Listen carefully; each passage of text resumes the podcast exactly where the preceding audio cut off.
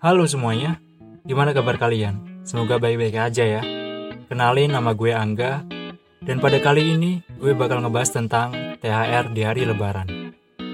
Ya, lebaran selain berkaitan erat dengan kaleng kongguan tapi isinya rengginang, sudah pasti lebaran juga berkaitan dengan yang namanya THR. THR atau tunjangan hari raya inilah yang sering ditunggu oleh anak-anak saat lebaran. Karena udah jelas ya, THR itu lebih bermanfaat daripada kita nyampurin Fanta dan Coca-Cola ke dalam satu gelas yang sama. Ayo ngaku deh, buat kalian khususnya anak laki, pasti pernah ngelakuin hal ini kan? Dan meskipun gue gak ikut ngerayain hari lebaran, tapi pastinya gue tetap ikut berkunjung ke rumah tetangga. Walaupun nyatanya gue sekarang udah kuliah, dan kalian tahu itu, berarti kesempatan gue buat ngedapetin THR akan semakin menipis. Ya mau gimana lagi ya, karena akan tiba pada masanya, di mana ketika adik-adik kita dikasih uang THR, kita cuma bisa ngeliatin gitu aja. Apalagi gue yang punya adik masih kelas 5 SD.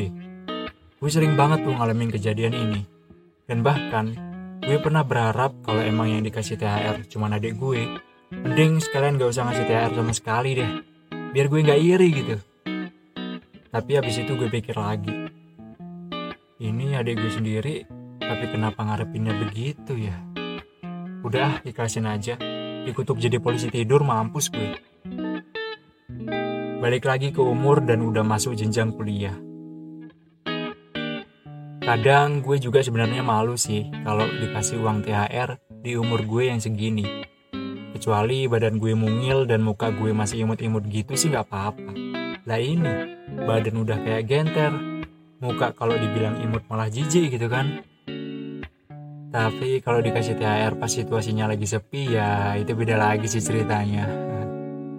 Gue justru ngarepin hal itu terjadi terus menerus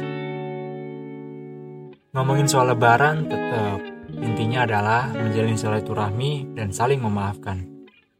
Kalau masalah THR mah itu rezeki orang masing-masing ya.